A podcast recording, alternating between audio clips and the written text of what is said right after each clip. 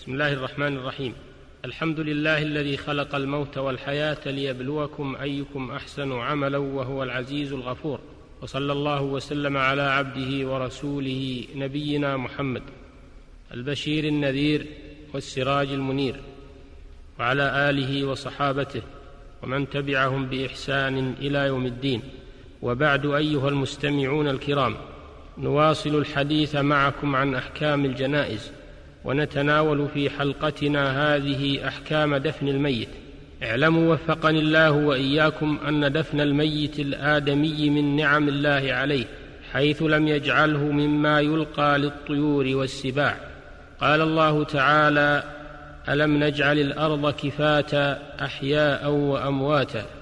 أي تعيشون على ظهرها أحياء وتدفنون فيها أمواتا. وقال تعالى ثم أماته فأقبره أي جعله مقبورا وقبره دفنه.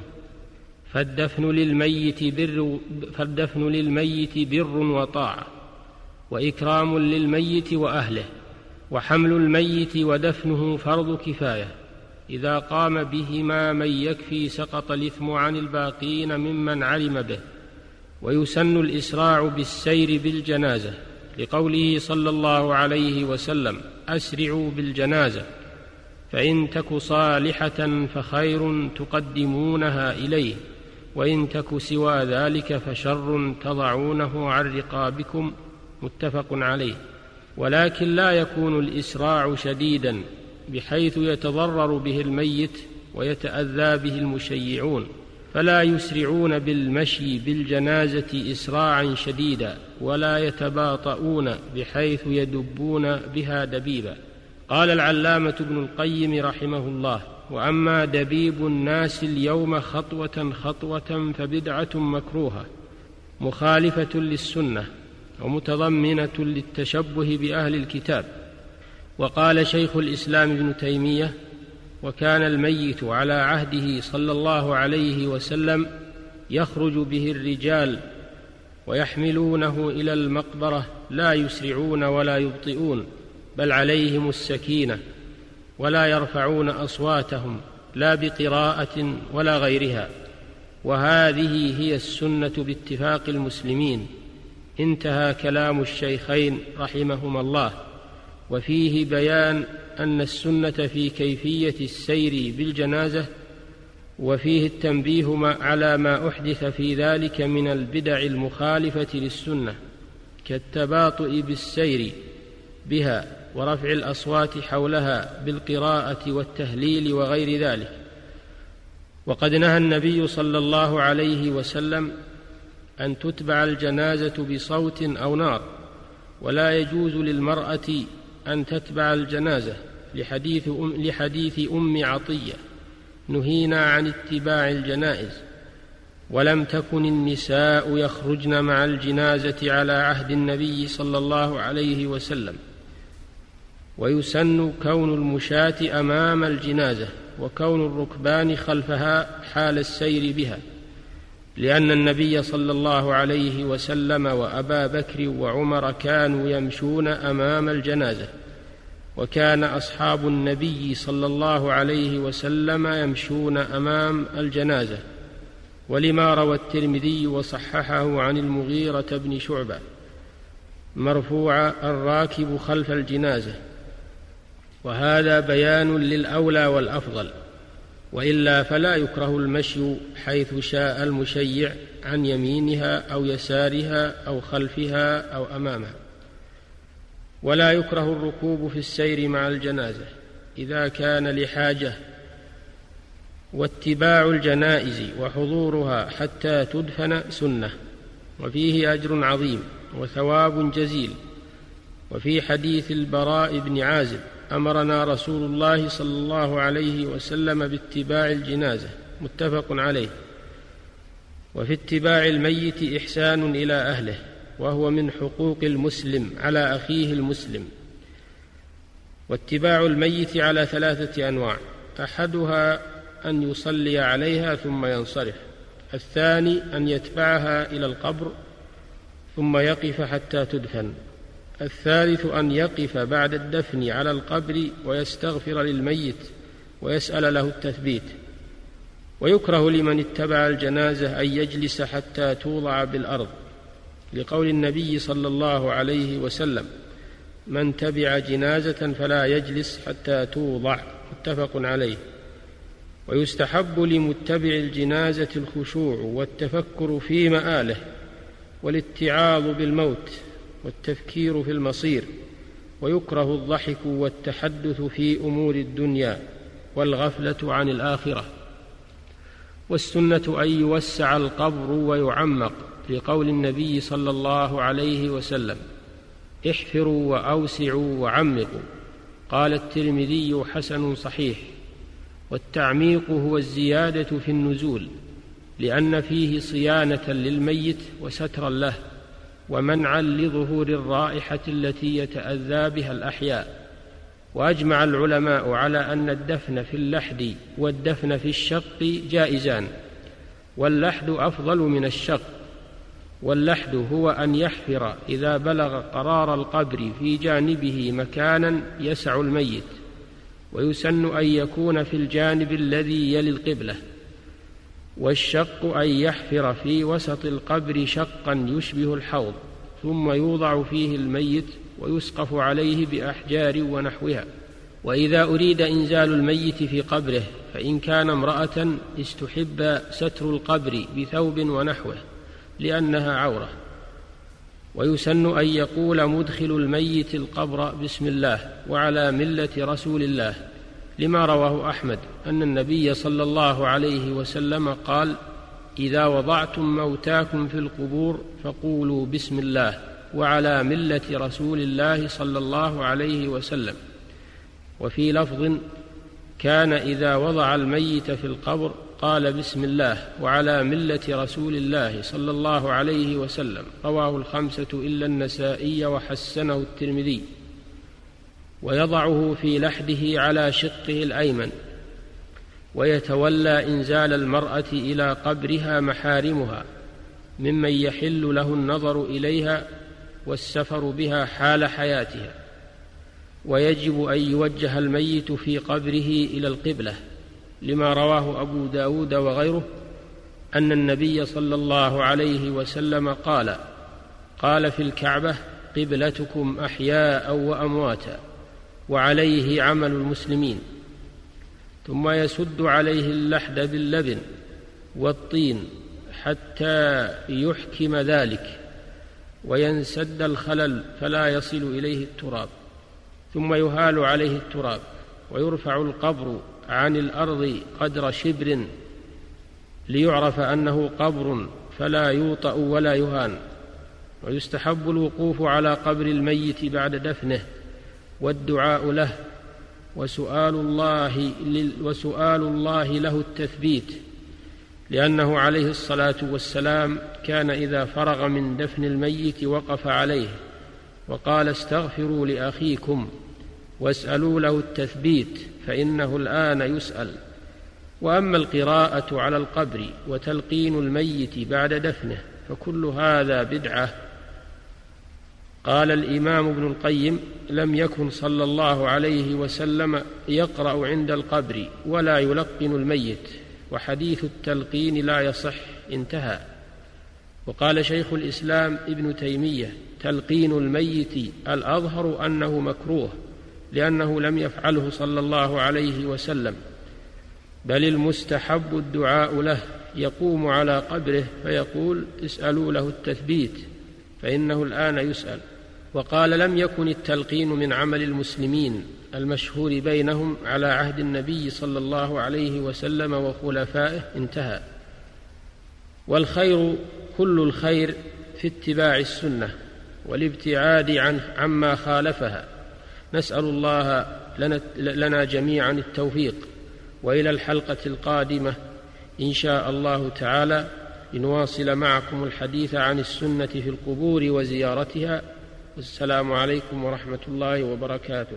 بسم الله الرحمن الرحيم. الحمد لله رب العالمين. والصلاة والسلام على نبينا محمد وعلى آله وأصحابه أجمعين. وبعد أيها المستمعون الكرام السلام عليكم ورحمة الله وبركاته.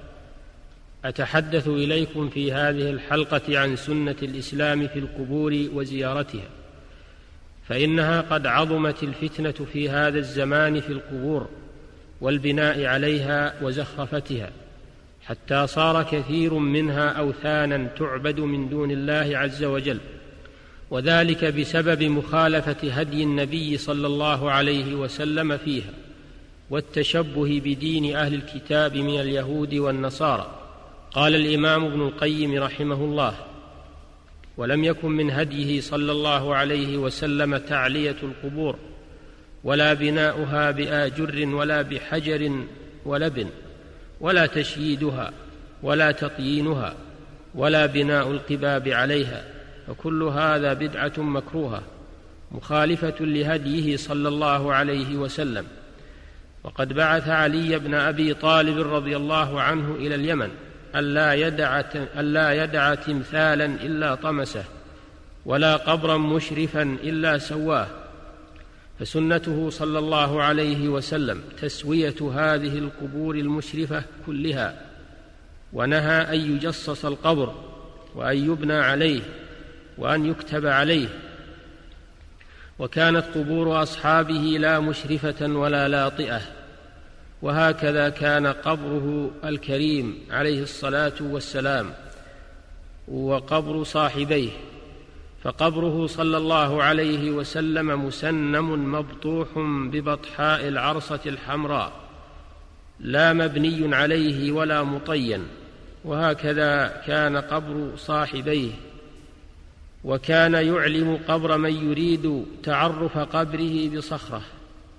ونهى صلى الله عليه وسلم عن اتخاذ القبور مساجد وإيقاد السرج عليها واشتد نهيه في ذلك حتى لعن فاعله ونهى عليه الصلاة والسلام عن الصلاة إلى القبور ونهى أمته أن يتخذوا قبره عيدا ولعن زوارات القبور. وكان هديه صلى الله عليه وسلم ألا تهان القبور ألا تهان القبور وتوطأ وألا يجلس عليها ويتكأ عليها ولا تعظم بحيث تتخذ مساجد فيصلى عندها وإليها وتتخذ أعيادا وأوثانا. وكان هديه صلى الله عليه وسلم إذا زار قبور أصحابه يزورها للدعاء لهم. والترحم عليهم والاستغفار لهم وهذه هي الزيارة التي سنها لأمته وشرعها لهم وأمرهم أن يقولوا إذا زاروها السلام عليكم أهل الديار من المؤمنين والمسلمين وإنا إن شاء الله بكم لاحقون نسأل الله لنا ولكم العافية وكان من هديه أن يقول ويفعل عند زيارتها من جنس ما يقوله عند الصلاة على الميت من الدعاء والترحم والاستغفار. فأبى المشركون إلا دعاء الميت والإشراك به والإقسام على الله به وسؤاله الحوائج والاستعانة به والتوجه إليه بعكس هديه صلى الله عليه وسلم.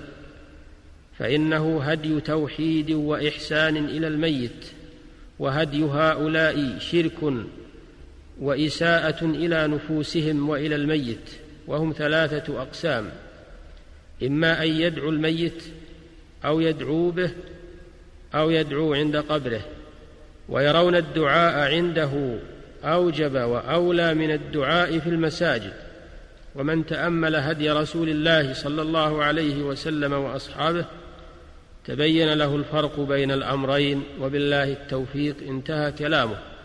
وأول من أحدث البناء على القبور وتزويقها الرافضة والجهمية وأهل البدع.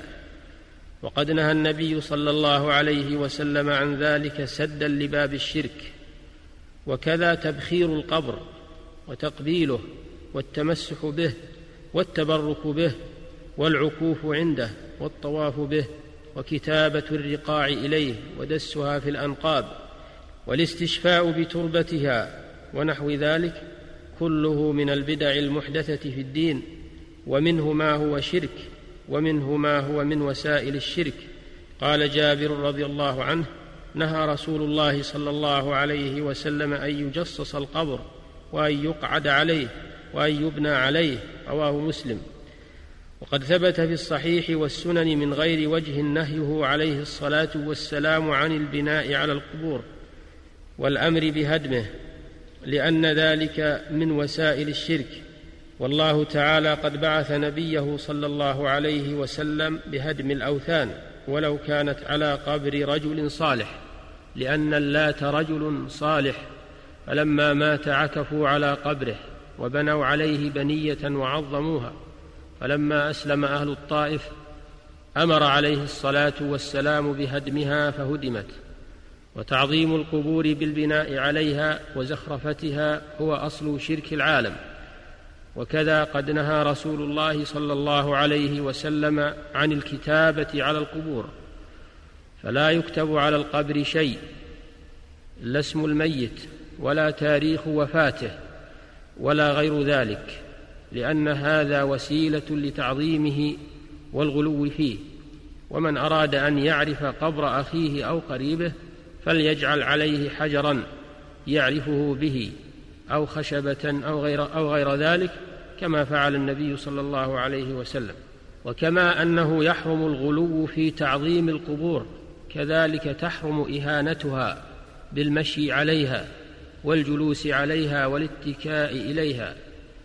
قال العلامة ابن القيم ومن تدبر نهيه صلى الله عليه وسلم عن الجلوس على القبر والاتكاء عليه والوطء عليه علم أن النهي إنما كان احتراما لسكانها أن يوطأ بالنعال على رؤوسهم والقبور دار الموتى ومنازلهم ومحل تزاورهم وعليها تنزل الرحمة فهي منازل المرحومين ومهبط الرحمة انتهى كلامه هذا ونسأل الله أن يتوفانا مسلمين ويلحقنا بالصالحين وإلى الحلقة القادمة بإذنه تعالى لسياق بقية الكلام عن أحكام القبور. السلام عليكم ورحمة الله وبركاته والحمد لله رب العالمين.